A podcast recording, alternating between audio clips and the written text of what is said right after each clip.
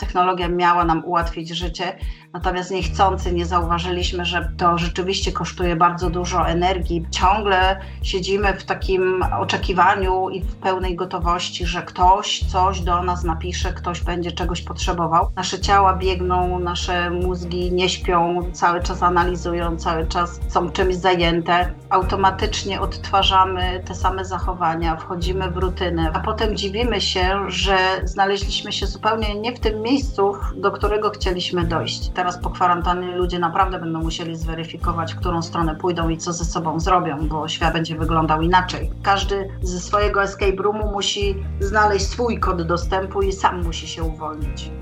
To jest podcast Master Your Emotions. Witam Cię w trzecim odcinku Master Your Emotions, podcastu poświęconego efektywnemu zarządzaniu emocjami w biznesie i w życiu osobistym. Ja nazywam się Magda i będę miała przyjemność przybliżać Ci temat inteligencji emocjonalnej w oparciu o rozmowy z zaproszonymi gośćmi, ekspertami, specjalistami i praktykami, którzy podzielą się z Tobą rzeczową i sprawdzoną wiedzą, jak skutecznie wykorzystać emocje do tworzenia silnej marki osobistej. W dzisiejszym odcinku będziemy gościć wyjątkową osobę z wyjątkową inicjatywą. Inicjatywą, która od samego początku głęboko przypadła mi do serca. Przywitajmy gorąco Elżbietę Łępecką, założycielkę i gospodynię Domu Życia w Nekielce pod Poznaniem. Miejsca, w którym możesz odzyskać utraconą energię życiową, nasycić się upragnionym spokojem i odzyskać świeżość myślenia. Ela jest wieloletnim i doświadczonym doradcą życiowym, przewodniczką w rozwoju osobistym, pomaga osiągnąć wewnętrzny spokój, życiową harmonię, widzieć i rozumieć swoje życie, budować dobre relacje ze sobą i z innymi. Jeśli potrzebujesz odmienić swoje życie, Ela jest właściwą osobą, do której możesz zwrócić się z prośbą o pomoc. Porozmawiamy dzisiaj z Elą o tym, jak zwolnić współczesne tempo życia i odnaleźć siebie. Ela opowie nam o swoich doświadczeniach w budowaniu skutecznej równowagi emocjonalnej, o tym, w jaki sposób trudne wydarzenia ukształtowały to, kim jest dzisiaj, oraz jak pomaga innym ludziom zdystansować się do codzienności, zweryfikować siebie, poukładać najważniejsze sprawy i nabrać wiary w to, że można żyć inaczej, pełniej, bardziej autentycznie. Zapraszam do wysłuchania rozmowy. Cześć Elu. Cześć Magdo, witaj. Ela, ogromnie Ci dziękuję za przyjęcie zaproszenia do podcastu Master Your Emotions. Bardzo się cieszę, że będziemy mogły porozmawiać dzisiaj o tak ważnym zagadnieniu, jak odnalezienie siebie w szaleńczym tempie życia, którego obecnie doświadczamy, i o wspaniałej inicjatywie, której jesteś autorką, czyli o Domu Życia. Wierzę, że podzielisz się z nami dzisiaj swoim bezcennym doświadczeniem w tej kwestii i pokażesz nam, jak wiele pozytywnych rzeczy możemy nauczyć się, wracając do tego, co dla nas naturalne, żyjąc w zgodzie ze sobą oraz dążąc do coraz większej harmonii z tym, co nas otacza. Witaj Magdo, bardzo Ci dziękuję, że zaprosiłaś mnie do tego podcastu. Oczywiście z ogromną radością opowiem e, o tym, jak e, wygląda dom życia, jak e, rzeczywiście poradzić sobie w tej sytuacji, w której wszyscy się znaleźliśmy, no i na wszystkie pytania, które, które mi zadasz. Świetnie, no to w takim razie zaczynajmy. Elu, tak jak piszesz na swojej stronie internetowej, e, coraz więcej ludzi odczuwa dzisiaj zmęczenie, przytłoczenie, nie może złapać dystansu do wydarzeń, w których uczestniczy, które często dzieją się poza ich kontrolą. Tym bardziej, gdy w grę wchodzą trudne doświadczenia i trudne decyzje życiowe. Ty natomiast stworzyłaś wyjątkowe miejsce, w którym ludzie otrzymują bezwarunkową akceptację i zrozumienie, w którym mogą poszerzyć perspektywę widzenia świata, odzyskać utraconą energię życiową, nabrać ochotę do działania. Stworzyłaś miejsce, w którym ludzie mogą przypomnieć sobie, jak zarządzać sobą, swoją przestrzenią i wydobyć swój maksymalny potencjał na wielu płaszczyznach. Stworzyłaś miejsce, w którym ludzie czują się tak dobrze, że nie chcą wracać do normalnego świata. Stworzyłaś dom życia. Powiedz mi, jak ci się to udało i co sprawia, że to miejsce jest takie niezwykłe? Wiesz, jak zwykle historia jest e, dość długa, natomiast do podejmowania e, pewnych decyzji i realizowania marzeń e, popychają nas sytuacje życiowe. U mnie było dokładnie tak samo. Śmierć mojej mamy która była totalnym zaskoczeniem, spowodowała, że e, zapragnęłam stworzyć miejsce, gdzie można będzie się zatrzymać, ponieważ moja mama była pracocholikiem, jak wielu z nas, e, i przekroczyła pewną granicę, nie potrafiła się zatrzymać. Stąd powstała właśnie koncepcja takiego miejsca, w którym możesz e, odetchnąć, zatrzymać się, możesz popatrzeć na swoje życie, zastanowić się, zapytać sama siebie, dokąd pędzisz. W tej chwili mm, zostaliśmy tak jakby trochę mm, z zewnątrz przymuszeni do tego, żeby się zatrzymać, więc e, większość z nas jest w procesie właśnie mm, oceniania swojego życia, przewartościowania tego, o co mu w życiu chodzi. Kiedy myślałam o tym, jakiego rodzaju miejsce stworzyć, żeby można było się w nim zatrzymać, żeby ono było najbardziej korzystne i najbardziej wspierające, e, wymyśliłam technologię Strafbale.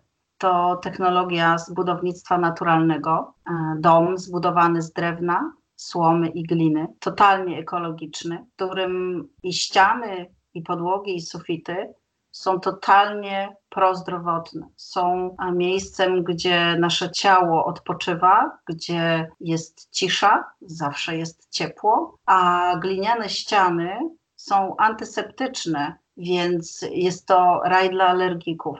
To miejsce jest wyjątkowe jeszcze z jednego powodu, że zbudowane jest w otoczeniu lasu, gdzie jest cisza i spokój. Muszę przyznać, że idea domu życia urzekła mnie od samego początku i pomyślałam wtedy, tego właśnie potrzebujemy. Miejsca, w którym możemy powrócić do siebie lub odnaleźć siebie. Z jednej strony to jest tak, jak wspomniałaś, całe piękno domu, który jest zbudowany z samych naturalnych surowców, a z drugiej strony to jest ta atmosfera, którą stworzyłaś, możliwości, jakie dajesz, aby każdy, kto tam przyjeżdża, mógł odnaleźć siebie przemyśleć pewne kwestie i zastanowić się, w jaką stronę to życie powinno zmierzać. Powiedz mi proszę, w jaki sposób osoby, które odwiedzają dom życia, mogą zwolnić tempo i nauczyć się żyć lepiej, pełniej, bardziej autentycznie? Bardzo prosty sposób. Na czas pobytu możemy zdeponować cały sprzęt elektroniczny, w domu nie ma fal Wi-Fi, nie ma żadnego szkodliwego elektrosmogu, e, więc są to dla nas zupełnie nowe warunki. Nie jesteśmy przyzwyczajeni do tego, żeby e, telefon leżał gdzieś wyłączony daleko od nas. I nie, nie przywykliśmy do tego, że w domu czy w pomieszczeniach nie ma telewizora lub radia. Mm, w domu życia rzeczywiście tak jest. Duży nacisk kładziemy właśnie na rozmowę, na to, że przy posiłkach jesteśmy razem, celebrujemy właśnie wspólnie posiłki. Ja, jako gospodyni domu życia, zawsze towarzyszę gościom przy śniadaniu. E, zaczynamy śniadanie o dziewiątej, kończymy o dwunastej e, i rzeczywiście e, omawiamy ważne życiowe sprawy, dzielimy się swoimi historiami. Uwielbiam ludzkie historie, uwielbiam nasze doświadczenia, nasze przeżycia, otwieramy się nawzajem, rozmawiamy o, o, rzeczach bardzo ważnych, o których w biegu, w pędzie życia po prostu nie przywykliśmy.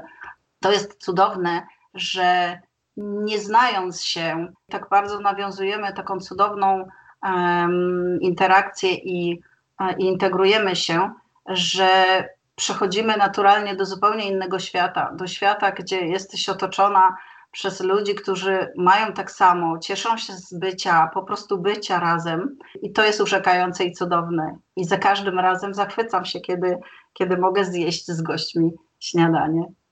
Rzeczywiście to musi być niesamowite doznanie, móc zatrzymać się i bez pośpiechu skupić się na takich prostych, pięknych rzeczach, jak wspólne jedzenie śniadania, dzielenie się swoimi historiami i delektowanie się wspólnie spędzonym czasem. Powiedz mi, czy ludzie, którzy odwiedzają dom życia, łatwo otwierają się i opowiadają o swoich przeżyciach, czy potrzebują kilku dni, aby przyzwyczaić się, zaadaptować się do nowego otoczenia i zaufać? To się dzieje naturalnie. Mm, ja bardzo dbam e, o, o moich gości, ale dlatego, że, że po prostu kocham ludzi. Jeżeli czujesz się akceptowana i czujesz się mile widziana i czujesz się dobrze w pewnym miejscu, to, to otwieranie się i to dzielenie się swoimi historiami też przychodzi bardzo łatwo i też też wychodzi bardzo naturalnie, nikt do niczego nie przymusza. Czasami goście bardziej introwertywni e, potrzebują chwilę dłużej, żeby opowiedzieć swoją historię, a ci bardzo ekstrawertywni e, natychmiast zabierają głos. Pięknie to się po prostu przeplata i jest to absolutnie, absolutnie naturalne. Zdecydowanie. Poczucie bezwarunkowej akceptacji to coś, czego nam często bardzo brakuje. I dlatego nie dziwię się, że ludzie tak chętnie się otwierają, jeśli okazujesz im tyle uwagi i zrozumienia. Pozwól, że odwołam się jeszcze na chwilę do tego, co powiedziałaś wcześniej, bo faktycznie jest to dość nietypowe, że możemy znaleźć się w miejscu, w którym nie ma Wi-Fi, nie ma telewizji, w którym deponujemy nasze laptopy, telefony i inne środki komunikacji. Patrząc na obecne tempo życia i częstotliwość zmian, jakie w nim zachodzą, żeby nadążyć za wszystkim i za wszystkimi, potrzeba ogromnych nakładów energii. Także współczesna technologia, mam wrażenie, że zamiast ułatwiać sprawy, tak naprawdę je komplikuje, wprowadzając bardzo dużo chaosu i takiego niepotrzebnego napięcia do naszego życia. Dlaczego w domu życia ważne jest, aby odciąć się od wszelkich środków przekazu i komunikacji elektronicznej? Jak goście reagują na to? Czy jest to coś, co im łatwo przychodzi, czy wyczuwasz jednak pewien opór i trudności? Nie, oporów nie ma żadnych, a właściwie jest ulga i ponieważ na stronie internetowej oficjalnie piszemy o tym, że nie ma Wi-Fi, że sprzęt jest deponowany i e, goście pierwsze co to sami zgłaszają, że nareszcie oddam ten telefon, nareszcie będę mogła po prostu pobyć i tak jakby um, przełączyć się na offline, bo rzeczywiście, tak jak, jak powiedziałaś, technologia miała nam ułatwić życie, natomiast niechcący nie zauważyliśmy, że po prostu wpieliśmy się do wielkiej sieci internetowej i non-stop jesteśmy dostępni, non-stop online i tak naprawdę non-stop dyspozycyjni i to rzeczywiście kosztuje bardzo dużo energii, bardzo dużo takiego wysiłku na poziomie też energetycznym, że my ciągle siedzimy w takim oczekiwaniu i w pełnej gotowości, że ktoś coś do nas napisze, ktoś będzie czegoś potrzebował.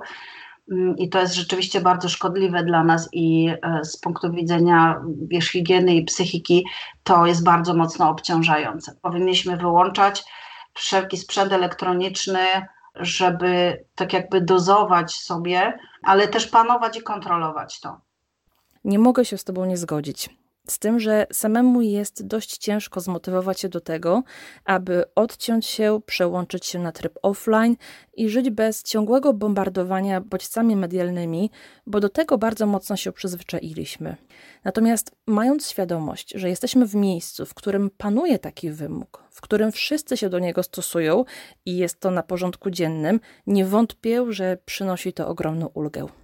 To, co powiedziałaś, bardzo do mnie przemawia i myślę, że w tym właśnie tkwi sedno efektywnego radzenia sobie z szansami, ale także zagrożeniami dla naszego zdrowia emocjonalnego, jakie wiążą się z nadmiernym angażowaniem się w różnorodne aspekty wirtualnego życia. W jaki sposób, Twoim zdaniem, zbudować dzisiaj dobrą, pozytywną energię emocjonalną? Jak odzyskać to, co utraciliśmy w pogoni za zdobyczami współczesnego świata? Myślę, że warto byłoby zrobić taki trochę remanent, żeby radzić sobie ze światem współczesnym teraz i nie zwariować i nie dać wciągać się w te różne gry i iluzje, to warto bardzo mocno budować swoją tożsamość. I to jest dość duża praca, dość wymagająca praca, natomiast przynosi nieprawdopodobne efekty, bo kiedy wiesz, kim jesteś, wiesz, skąd pochodzisz, wiesz, o co tobie chodzi, to wtedy mm, jesteś w stanie zbudować odporność i tak jakby kontrolować całym swoim światem i całym kontaktem ze światem zewnętrznym. Super, to jest bardzo istotny punkt. Dużo mówisz też na swojej stronie o wypaleniu zawodowym jako o takim znaku naszych czasów. W jaki sposób dbać o nasze emocje, aby uniknąć wypalenia zawodowego? A jeśli już dojdzie do wypalenia zawodowego, to jak sobie z nim poradzić?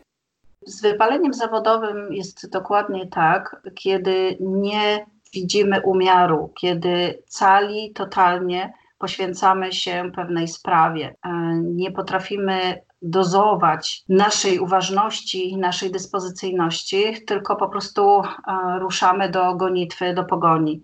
gubi nas nieumiarkowanie, ponieważ nasze cechy ambicji, determinacji działają na naszą niekorzyść, bo rzeczywiście jako liderzy, jako pracownicy, kiedy jesteśmy ambitni, to my podchodzimy do pracy z takim zaangażowaniem, z entuzjazmem, z taką wiarą, że jesteśmy w stanie bardzo dużo z siebie dać. Ale kiedy nie potrafimy robić przerw, kiedy nie potrafimy odpoczywać, kiedy nie potrafimy właśnie przełączać się na offline, to cały czas tracimy siebie, tracimy energię i mm, bardzo szybko dochodzi do takiego wypalenia, kiedy za dużo, za szybko, zbyt ambitnie.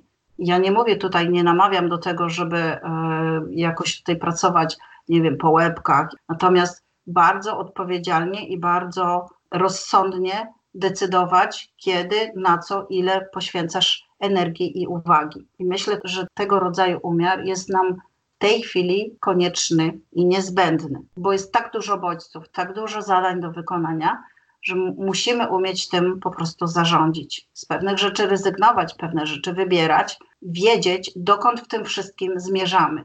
To prawda.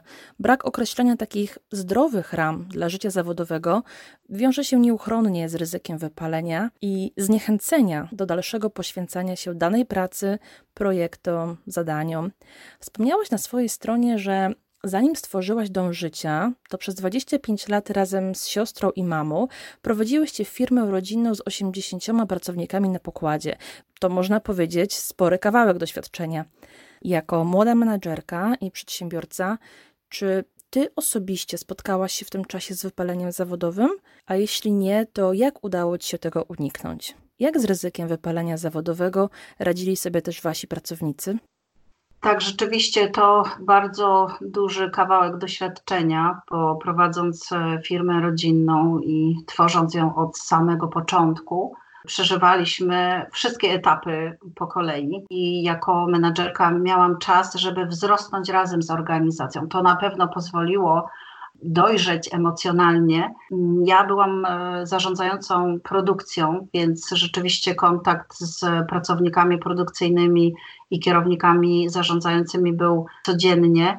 I przy zatrudnieniu 75 szwaczek każdego dnia e, statystycznie 5 e, było pokłóconych z mężami, 4 były pokłócone z teściowymi, E, następne 10 miało tak zwaną miesiączkę, więc po prostu rzeczywiście, że e, były grupy problemów.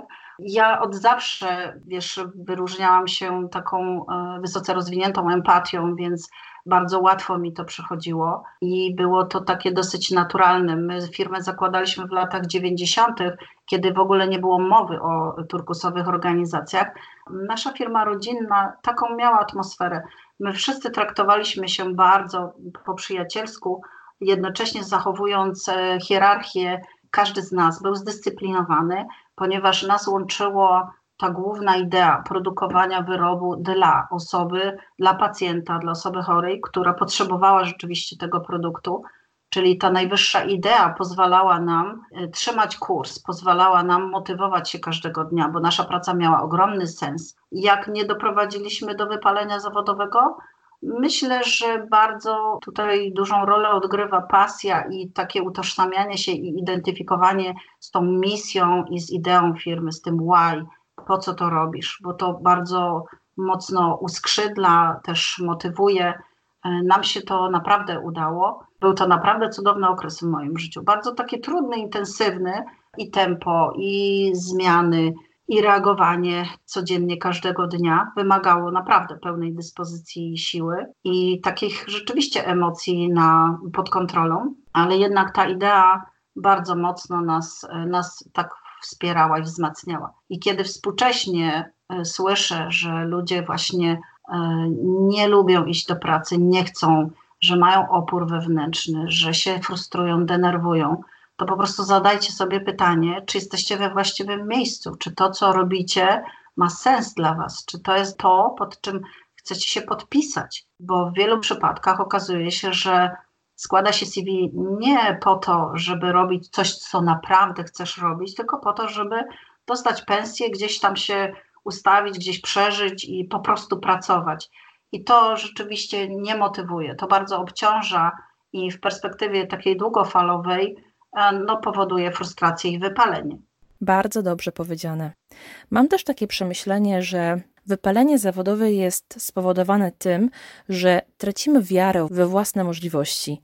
W jaki sposób, Twoim zdaniem, emocje wpływają na to, że przestajemy wierzyć w siebie i czujemy się bezradni wobec tego, co dzieje się dookoła? Moim zdaniem, jeżeli idziesz do pracy, z którą się nie utożsamiasz, możesz na chwilę wymagać od siebie e, efektywności, zaangażowania, natomiast z serca, z duszy nie, nie będziesz chciała tego robić. Zaczynasz powątpiewać, zaczynasz tracić wiarę właśnie dlatego, że twój umysł mówi, wiesz, dobra, daj z siebie jeszcze trochę, jeszcze, jeszcze ten kwartał, jeszcze ten miesiąc, jeszcze to półrocze, Natomiast twoje emocje, twoje serce i cały środek ciebie mówi, ja nie chcę tam wracać, ja nie chcę tego robić, ja nie chcę siedzieć w call center na przykład.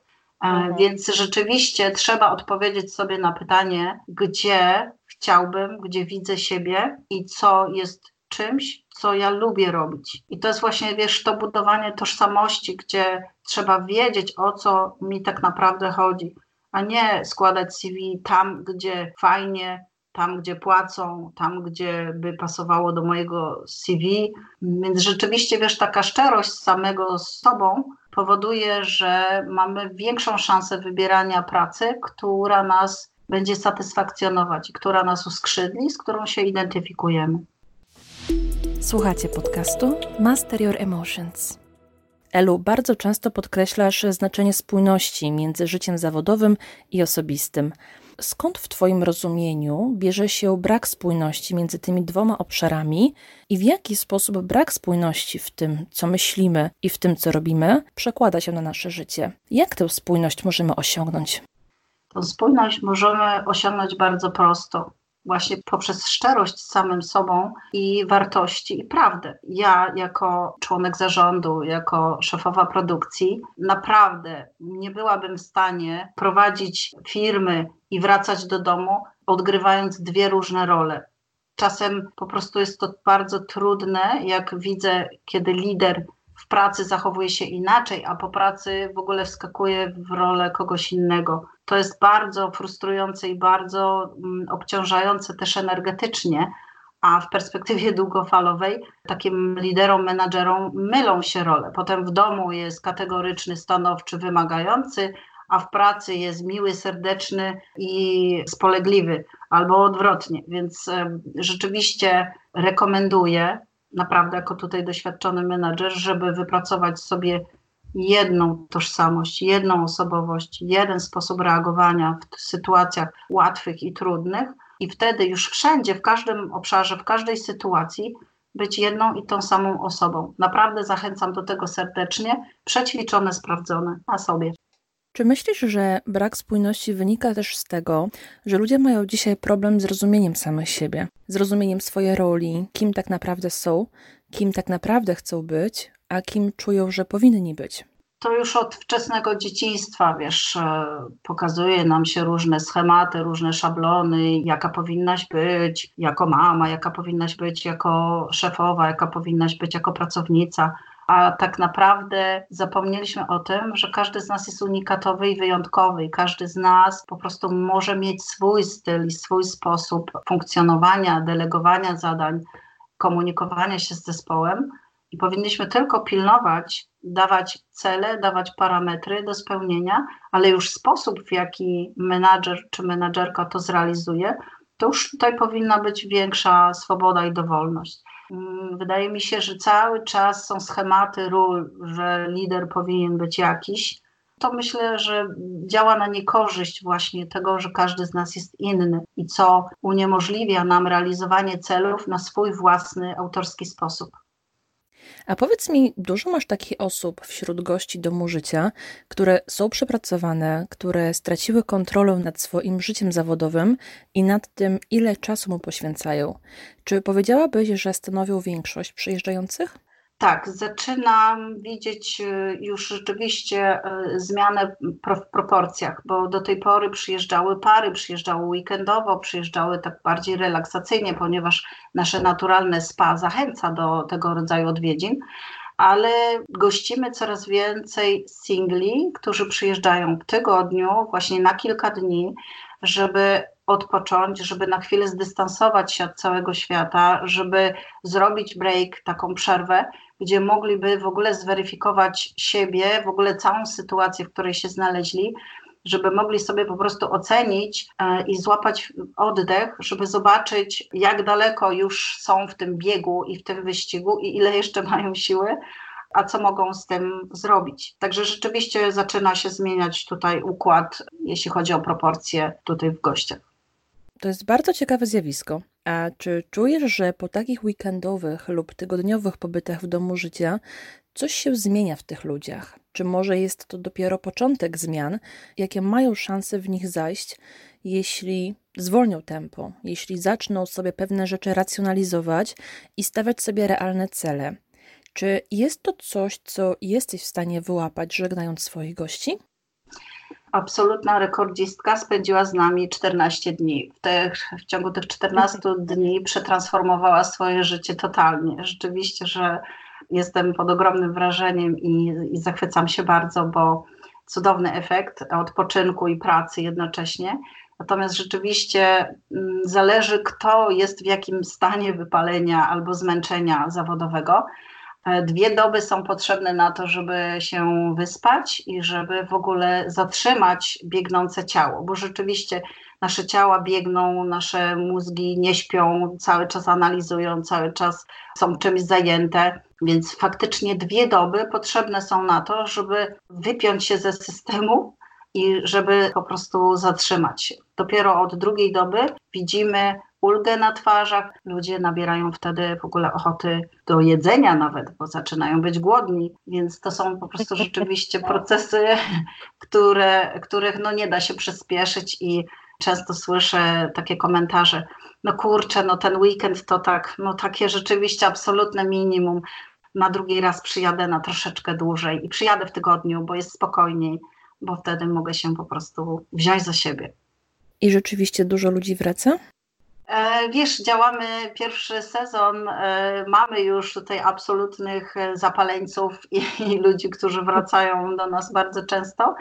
Natomiast mam nadzieję, że wszystko przed nami. Mam nadzieję, że, że teraz coraz więcej ludzi, szczególnie po tym okresie kwarantanny, będzie nas odwiedzać. Nie mam co do tego najmniejszych wątpliwości. Ok, czyli tak jak powiedziałaś, potrzeba minimum dwie doby, żeby wrócić do siebie, zresetować się i dopiero wtedy można trzeźwym okiem spojrzeć na swoje emocje, na swoje decyzje, na swoje wybory. Jakie aktywności, jakie metody stosujesz, aby pomóc ludziom przeanalizować, przemyśleć swoje życie? Czy taka zwykła rozmowa wystarcza, czy proponujesz jakieś dodatkowe formy, takie jak warsztaty, szkolenia, konferencje, panele dyskusyjne? Wiesz, słyszałam i bardzo zgadzam się z taką teorią, która mówi, że wszystkie odpowiedzi masz wewnątrz siebie. Rzeczywiście tak jest, bo jak e, w normalnej rozmowie, spokojnej, zaczynasz zadawać pytania, to twój rozmówca znajduje natychmiast odpowiedzi na te pytania albo po, po chwili. Każdy z nas w sobie ma już zestaw i pytań, i odpowiedzi.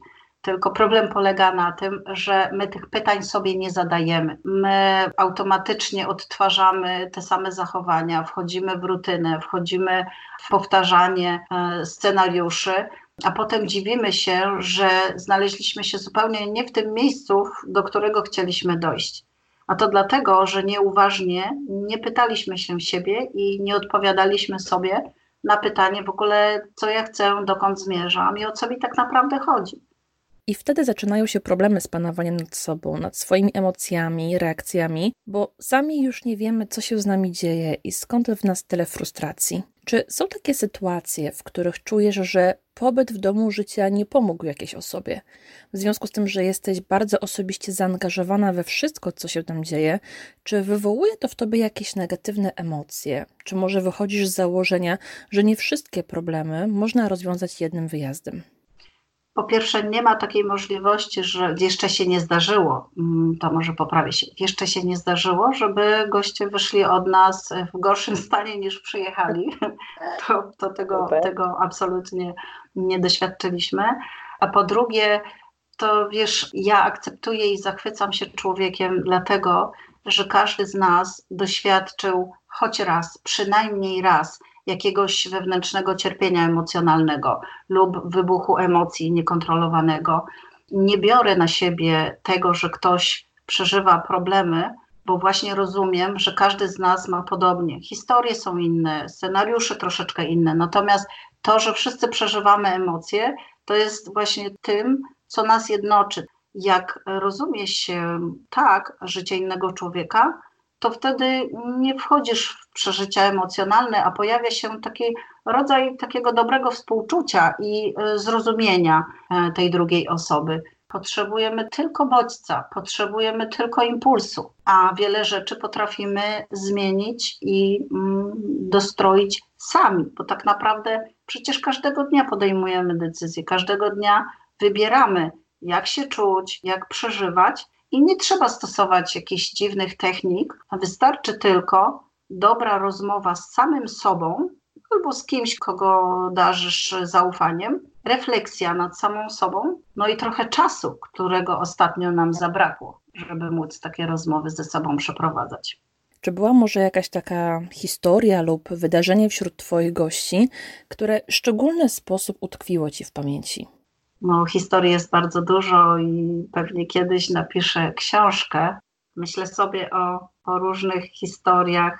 No, na przykład przyjechała dziewczyna, która bardzo bała się psów i dość jej to przeszkadzało. Ona była strasznie przestraszona. Natomiast jak przekroczyła próg domu życia, okazało się, że na naszym terenie mieszkają psy, terapeutki, które pomogły jej pokonać strach pomogły jej właśnie przerobić to wydarzenie z dzieciństwa, bo miała jakieś traumatyczne wydarzenie. Okazało się, że e, na zakończenie weekendu była bardzo zaprzyjaźniona z psami i oficjalnie przy e, stole oświadczyła, że ma to już za sobą i już od tej pory nie będzie się bała psów. Więc nigdy nie wiesz, wiesz, to są niespodzianki, bo nigdy nie wiesz, co tak naprawdę wydarzy się w domu życia i tak jak pani Hania Banaszak śpiewała w moim magicznym domu i ja to bardzo czuję, że to jest tutaj o tym miejscu. Mm, nigdy nie wiem, co się wydarzy. Zawsze mam ufność, że wydarzają się same dobre rzeczy, ale te niespodzianki są bardzo przyjemne i bardzo zaskakujące. To jest chyba najpiękniejsze w tym, co robisz, prawda? Że doświadczasz takich małych i wielkich cudów, albo przemiany osób, które do ciebie przyjeżdżają, albo takiego też cudu bycia razem, prawda? Tak, to rzeczywiście jest niedoceniony cud bycia razem. Myślę sobie i życzyłabym sobie, żebyśmy właśnie zaczęli to zauważać, żebyśmy zaczęli być ze sobą, bo to wcale nie jest trudne, wcale nie wymaga naprawdę dużego jakiegoś wysiłku. My już naprawdę dość się nacierpieliśmy wszyscy, naprawdę dosyć się namęczyliśmy. Chyba już czas na takie dobre, fajne życie. No i właśnie każdy z nas może takie życie sobie wykreować. Zgadza się. Natomiast w dalszym ciągu mamy chyba tendencję do tego, że zamykamy się. Zamykamy się w domu, przed komputerem lub przed telewizorem, bo tak jest bezpiecznie, wygodnie i bezproblematycznie. A ty pokazujesz, że można inaczej. Że można być razem bez telefonu w dłoni, bez ciągłego sprawdzania, czy ktoś do nas napisał, czy ktoś polubił nasz wpis, czy ktoś skomentował nasze zdjęcie Wierzysz w to, że jeszcze wrócimy kiedyś do takiego modelu, w którym obecność drugiego człowieka będzie ważniejsza od świata wirtualnego i będziemy celebrować chwilę bycia razem?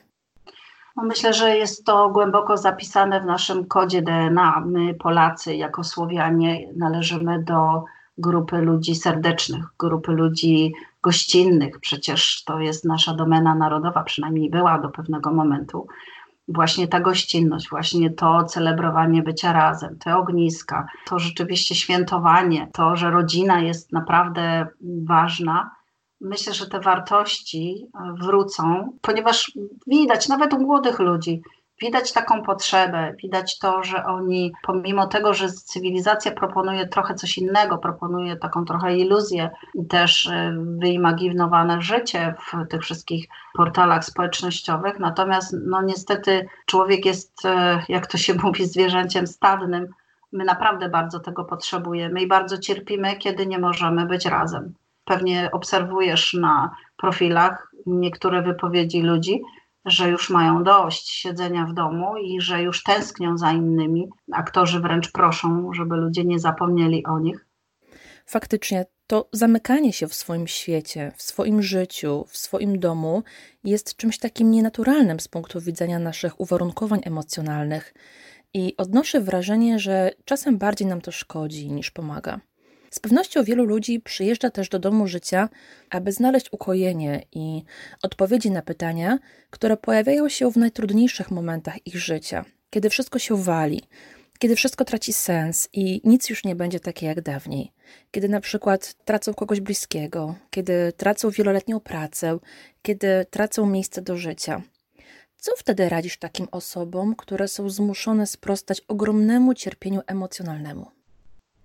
Uwielbiam to, co powiedziała Louise Hay, moja e, wielka życiowa idolka. Powiedziała, nawet jeśli w Twoim życiu są sytuacje nieprzyjemne, sytuacje złe, to jest to i tak dla Ciebie dobre.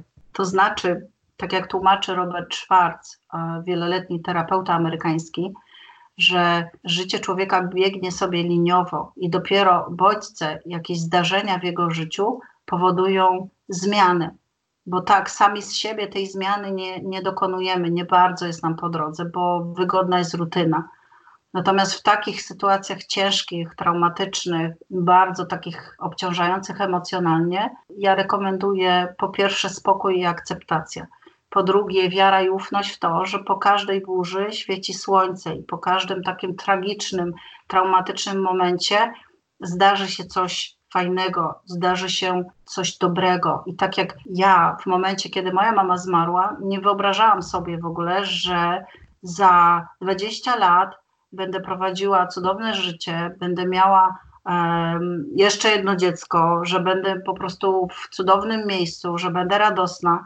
W ogóle to mm, nie mieściło mi się w głowie. Natomiast taka świadomość, że jest to pewien etap, że to jest tak zwana noc w naszym życiu i ona minie, to pozwala nam złapać trochę nadziei, że przetrwamy taki moment. Pięknie to powiedziałaś, i myślę również, że niezwykle ważną kwestią w takich sytuacjach podbramkowych jest właściwe komunikowanie swoich emocji. Jakie trzy najważniejsze kroki rekomendowałabyś osobom, które mają problem w tej dziedzinie i chciałyby się nauczyć trafnie komunikować swoje uczucia, zwłaszcza w takich trudnych, przełomowych momentach ich życia? Przede wszystkim polecam oddychanie. Jeżeli już e, niestety wyszłaś w emocje, w taki stan emocjonalny, to trzeba to trochę przeoddychać i zaakceptować. Potem trzeba zadać sobie pytanie, dlaczego, co mnie tak bardzo emocjonuje, co wywołuje we mnie taką reakcję, i wtedy przyjdzie ci do głowy e, albo sytuacja, albo najczęściej przekonanie na, na dany temat. No i po trzecie, dopiero wtedy, kiedy przeoddychasz, kiedy zaakceptujesz to, zadasz sobie pytanie, to możesz sobie wejść, zdystansować się od tej emocji, tak jakby po prostu rozdzielić się trochę od tego przeżywania i dopiero wtedy możesz e, zacząć tą sytuację zmieniać. Jak mówić o swoich emocjach? Właśnie mówić o uczuciach e, bardziej niż o emocjach i komunikować w taki sposób, nie narzucający się innym, tylko stwierdzający fakty. Mówiący: Ja jestem smutna, czuję smutek, bo nie rozumiem tej sytuacji, nie rozumiem Twojej reakcji. Ja wyprzedzam trochę w moim, moim reagowaniu, ponieważ ja nie wchodzę w emocje, bo zanim wejdę w emocje, najpierw zadaję sobie pytanie, czy ja chcę tak zareagować. To jest już super e, umiejętność zarządzania sobą, kiedy możesz w ogóle zdecydować, czy chcesz się rozzłościć, czy może tym razem jednak się nie rozzłościsz. I zachęcam Was do takiego doświadczenia, takiego eksperymentu, żeby trochę się zdystansować od samego siebie, wejść w perspektywę obserwatora i poobserwować sobie siebie i swoje reakcje. I wtedy dopiero zobaczycie mechanizmy, schematy, jak to się dzieje, że w tej sytuacji się denerwujesz, a w innej sytuacji się nie denerwujesz. Zachęcam właśnie do takiego troszeczkę odseparowania się od siebie, bo to właśnie pozwala odzyskać kontrolę nad sobą i zarządzać sobą w każdej sytuacji. Bardzo Ci dziękuję, Ela. Odniosę się również do popularnego obecnie trendu, który według jego zwolenników jest kluczowy dla zbudowania trwałych i korzystnych wzorców emocjonalnych. Tym trendem jest uważność, zwana popularnie mindfulness. W jaki sposób według Ciebie uważność wpływa na nasze emocje i jak ją najlepiej wykorzystać do pracy nad stworzeniem emocjonalnej równowagi w naszym życiu? Właśnie dla mnie uważność to jest perspektywa obserwatora, to jest to widzenie świata, zatrzymywanie się na mikrosekundę, żeby rozpoznać, rozeznać się, w czym bierzesz udział, o co chodzi, kto i co mówi i o co komu chodzi.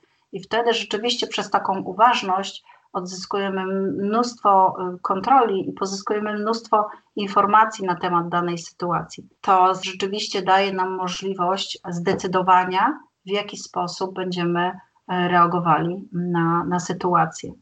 Rozmawiając o uważności, czuję też, że takim nieodłącznym elementem pracy nad naszymi emocjami jest dążenie do tego, aby zdjąć maskę, jaką zakładamy na co dzień, oraz zmierzyć się z tym, kim jesteśmy naprawdę. W jaki sposób pomagasz ludziom, którzy odwiedzają dom życia, stać się prawdziwym sobą? Jest bardzo dużo informacji, które nas definiują. Imię, nazwisko, Twoja data urodzenia, Twoje pochodzenie. Tam jest kopalnia w ogóle informacji, z jakiej rodziny, jakie cechy w Twojej rodzinie, jakie historie, jakie przypadłości, jakie choroby. Tam naprawdę rzeczywiście mamy bardzo dużo informacji zgodnie z nowym trendem nauki, która nazywa się totalna biologia. My w prezencie urodzeniowym, w DNA, dostajemy cały zapis informacyjny wszystkich cech, wszystkich wzorców zachowań naszych nie tylko rodziców, ale dziadków i pradziadków, więc jest naprawdę tam bardzo dużo informacji, które odpowiadają na pytanie, kim jesteś. Do tego właśnie data urodzeniowa. Trzeba sobie zweryfikować i zobaczyć, podejrzeć, wybrać to, co najbardziej z Tobą rezonuje. Tylko trzeba się nad tym pochylić, trzeba po prostu poeksplorować, trzeba się zachwycać tym odkrywaniem siebie. Na przykład też trzeba zweryfikować sobie, jakie przekonania są dla mnie ważne i według jakiego systemu wartości żyję. To jest bardzo przyjemna, fajna praca, bo to jest y, praca odkrywcy, który każdego dnia może na swój temat odkryć kolejne informacje, kolejne historie, kolejne dowody na to, kim rzeczywiście jesteś. Ja na przykład y, fascynuję się tym. Mnie to bardzo, bardzo zachwyca móc odkrywać każdego człowieka i, i, spotykać się z zupełnie innymi ludźmi, którzy niby są podobni, bo jedna kultura, bo jedna narodowość, mniej więcej żyjemy w tych samych czasach, ale każdy z nas naprawdę jest inny. I to jest cudowne. Pięknie Ci dziękuję, Ela, za podzielenie się tak wspaniałym doświadczeniem i perspektywą widzenia drugiego człowieka. To, czego dowiedzieliśmy się dzisiaj, daje nam ogromną nadzieję na to, że my też możemy żyć w taki sposób, odnaleźć siebie, przepracować pewne tematy, stać się bardziej świadomymi tego, co się dzieje z naszymi emocjami, Najważniejsze w tym wszystkim jest to, że pomimo funkcjonowania obecnie w takim trybie szaleńczego biegu i pogoni za różnymi rzeczami, ten sposób życia nie musi być czymś definitywnym. W każdym momencie możemy powiedzieć stop, zatrzymać się i pójść inną drogą. Taką, która pozwala na pełne i autentyczne życie w zgodzie z samym sobą. Gdybyś miała podsumować to, o czym dzisiaj porozmawiałyśmy, jak zwolnić tempo życia, jak odnaleźć siebie, co poradziłabyś osobom, które zagubiły się gdzieś w tym pędzie, które potrzebowałyby kilku wskazówek, jak ruszyć z miejsca i zacząć zdążać we właściwym kierunku?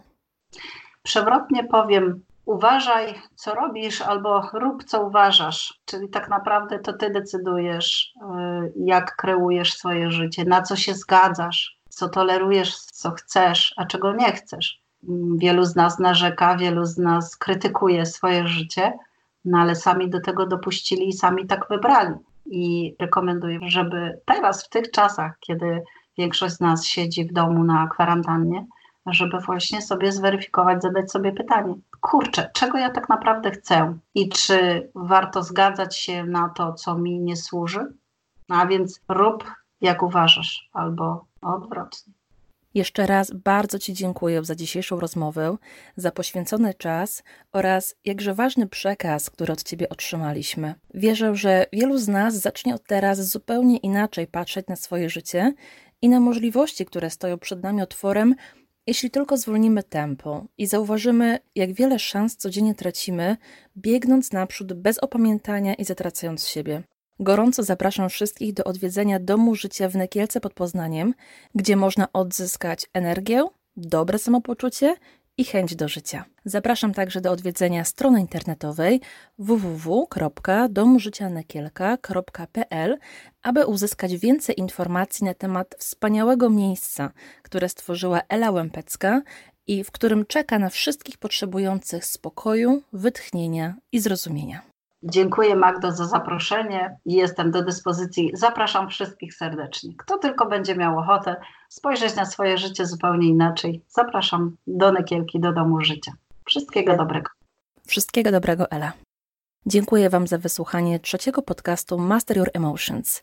Zachęcam Was do podzielenia się swoimi przemyśleniami na adres mailowy podcast masteryouremotions.gmail.com oraz do regularnego odwiedzania strony www.masteryouremotions.pl, gdzie zachęcam do zasubskrybowania kanału z nowymi podcastami, jak również do polubienia mojej strony na Facebooku. Zapraszam do wysłuchania kolejnego podcastu, który ukaże się już niebawem. A tymczasem żegnam się z Wami i do usłyszenia.